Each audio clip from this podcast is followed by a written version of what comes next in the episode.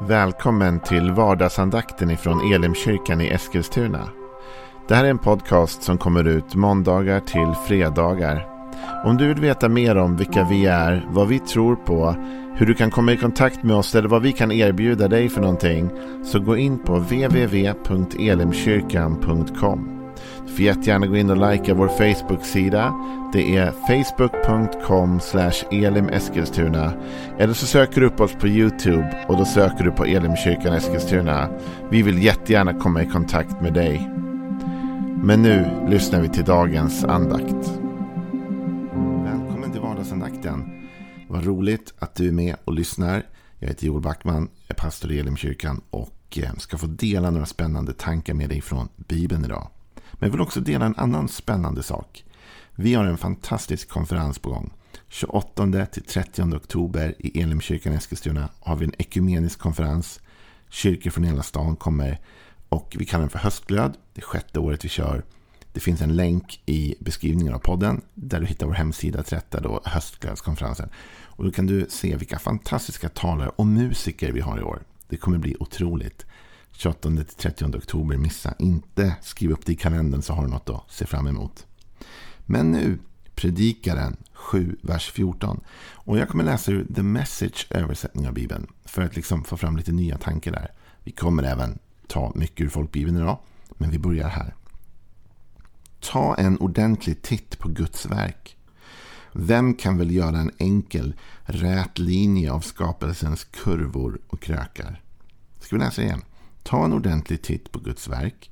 Vem kan väl göra en enkel, rät linje av alla skapelsens kurvor och krökar? Här skulle jag vilja säga någonting först om skapelsen. I teologi då, utan att bli för långrandig och tjatig, så brukar man ibland tala om skapelsen som, som liksom den naturliga uppenbarelsen. Skapelsen, det är en uppenbarelse som är oss given om Gud. I Romarbrevet så säger Paulus det finns ingen försvar för den som inte tror på Gud. För att bi är skapelsen vittnar hela tiden om honom. Och skapelsen vittnar om hans osynliga egenskaper, säger till och med Paulus. Med andra ord, när vi ser på skapelsen, ser hur skapelsen är, hur skapelsen fungerar, så lär den oss någonting om Gud. Gud har lämnat ledtrådar i skapelsen om sig själv. Och då kommer vi till det här. Vem, ta en ordentlig titt på Guds verk, okej? Okay? Låt oss granska skapelsen. Vem kan väl göra en enkel, rät linje av alla skapelsens kurvor och krökar? Alltså, när vi tittar på skapelsen så inser vi att den är komplicerad. Eller hur? Finns det något mer komplicerat än skapelsen? Än människan? Tänk alla vetenskapsmän just nu runt om i hela världen som jobbar dygnet runt nästan med att försöka förstå skapelsen. Försöka förstå det som är och som finns. Som gör liksom oerhörda undersökningar och forskningsprojekt i att försöka förstå skapelsen. Ingen kan titta på skapelsen och säga att skapelsen är enkel. Skapelsen är inte enkel, den är komplicerad. Den är inte oordnad. För det kan ju man läsa här kan man tänka så här. Vem kan väl göra en enkel rät linje av skapelsens kurvor och krökar? Det låter ungefär som att det vore rörigt va? Det är inte rörigt men det är komplicerat. Gud är inte oordningens Gud säger Bibeln. Utan Gud är ordningens Gud. Men han är en komplicerad Gud. Och han har skapat en komplicerad värld. Och då kan man säga så här. Och vad, och vad har det med mitt liv att göra då Joel? jo, det har mycket att göra med ditt och mitt liv och vår förståelse av Gud. För du och jag har ju ofta en tendens, eller hur, att vilja göra raka och räta linjer. Alltså i vår önskan att förstå hur livet fungerar och förstå oss själva och förstå vårt arbete och förstå vår partner, kanske förstå massa olika saker, så vill vi förenkla saker och ting, eller hur? Det är lättare att förstå det som är svartvitt än det som har en massa olika nyanser. Men ändå inser vi att det där svartvita tänket, det hör mer till ungdomen. Inte därför att man liksom är på ett sätt mer radikal som vi ofta säger, utan för att vi inser tror jag, med livet med, när tiden går. Att livet är nyanserat och komplicerat. Skapelsen är full av krokar och krökor som liksom vi får följa. Och då säger det oss någonting om Gud.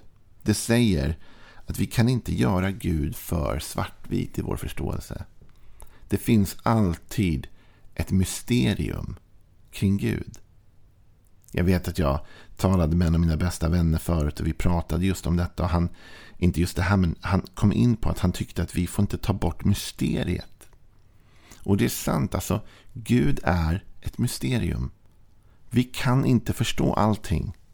Och ibland blir vi sura på Gud därför vi inte tycker han gör som vi vill. Eller vi tycker inte att livet är som det borde vara, vad det nu kan vara. Men det vi inte alltid inser är att Gud är komplicerad.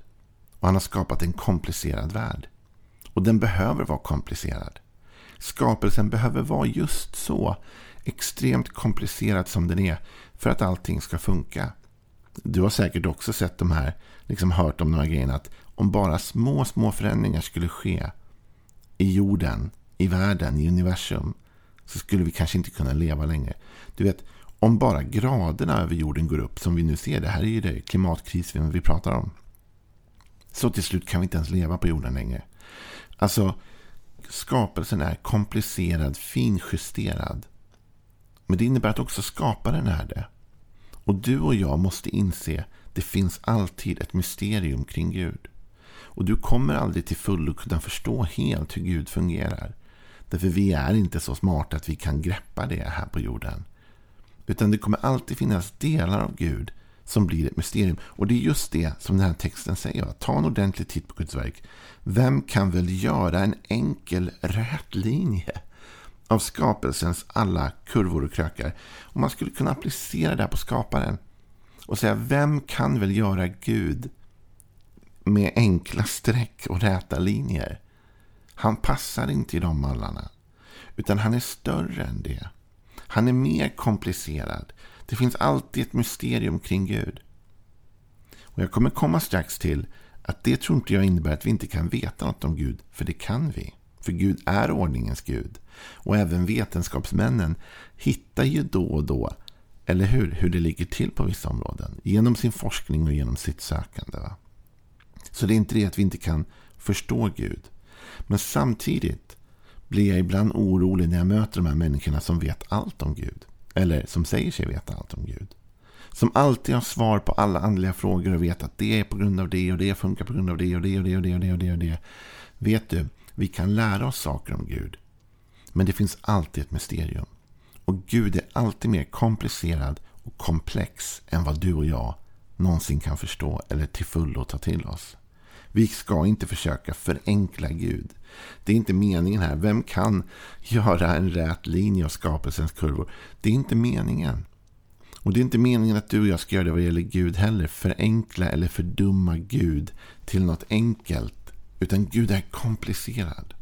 Och till och med där Gud har ordningar så kan han som skapelsens Gud själv välja att bryta mot dem. han är fri att göra det. Och han gör det ibland. När vi läser i Bibeln så gjorde han ibland saker som inte ska, skulle vara möjliga. Han delade havet. Vid en tidpunkt i Bibeln får han solen att stå still. Han till och med får solen att gå bakåt. Det är omöjligheter. Ändå gör Gud det ibland. Och man kan tänka, men det, det kan inte vara så. Jo, därför Gud är skapelsens Gud och skapelsen är full av kurvor och krökar. Men om jag skulle ändå utmana den tanken också då, så kan jag säga att jag läste en bok för ett tag sedan. Jag gick någon utbildning inom kyrkan och vi fick en massa böcker vi skulle läsa och så vidare. Och då så var det en bok där en, väldigt god teolog, då, författare, skrev om Gud. Och han antydde i en formulering typ att vi kan aldrig säga att vi vet något om Gud ungefär. Och den där formuleringen, den störde mig. För det tror jag inte heller är sant. Jag tror att Gud är komplicerad. Och jag tror att vi ska inte försöka förenkla och fördumma Gud. Men vi ska ändå inse att Gud är inte omöjlig att lära sig något om. Eh, om vi läser första Korinthierbrevet kapitel, eh, vad säger jag, eh, kapitel 2 och vers 9 så står det så här. Men som skriften säger, vad ögat inte sett och örat inte hört och människans hjärta inte anat, det har Gud berättat åt dem som älskar honom. Gud har uppenbarat det för oss genom sin ande. Anden utforskar allt, även djupen i Gud. Och vem vet vad som finns i människan utom människans egen ande? Så vet ingen heller vad som finns i Gud utom Guds ande. Vet du, här talas det om himlen och ibland så läser vi det här slarvigt, det här bibelordet. Och så säger vi att ja, men, du vet, himlen är vad inget öga sett och inget öra hört och, och ingen människa, a, eh, människas hjärta anat. Så ingen vet något om himlen. Men det är inte det som, som här författaren säger. säger. Ja, det ligger utanför den mänskliga erfarenheten. Men så säger han i vers 10, Gud har uppenbarat det för oss genom sin ande. För anden utforskar allt, även djupen och komplexiteten i Gud. Vet du, du och jag, vi kan visst veta saker om Gud. Vi kan visst förstå olika saker och lära oss olika principer och förstå hur Gud fungerar. Men vi behöver hjälp. Och vi behöver hjälp av den helige ande. För den helige ande är den som utforskar mysterierna, djupen i Gud. Vi behöver be. Vi behöver söka. Vi behöver tala med den helige ande. Säga, helige ande, uppenbara för mig det jag inte ser, det jag inte förstår. Och var öppna för det. Vi kan förstå Gud, men vi behöver hjälp. En hjälp vi har fått är Bibeln. Det är det vi kallar för liksom, en särskild uppenbarelse också. Vi har fått Bibeln och Jesus kom till oss, eller hur? Också som en uppenbarelse. För att vi skulle förstå Gud. De här sakerna har vi fått som hjälpmedel att förstå komplexiteten i Gud. Och så har vi anden som en guide. Så du och jag, vi kan visst lära oss saker om Gud. Vi kan lära oss hans principer, vi kan lära oss hans tankar, vi kan lära oss hans vilja, vi kan lära oss massa olika saker. Men vi kommer aldrig till fullo kunna greppa Gud. Det kommer alltid finnas ett mysterium. Bli inte så förtvivlad över det. Var inte så upprörd över att du inte förstår Gud till fullo. Ingen kan förstå Gud till fullo.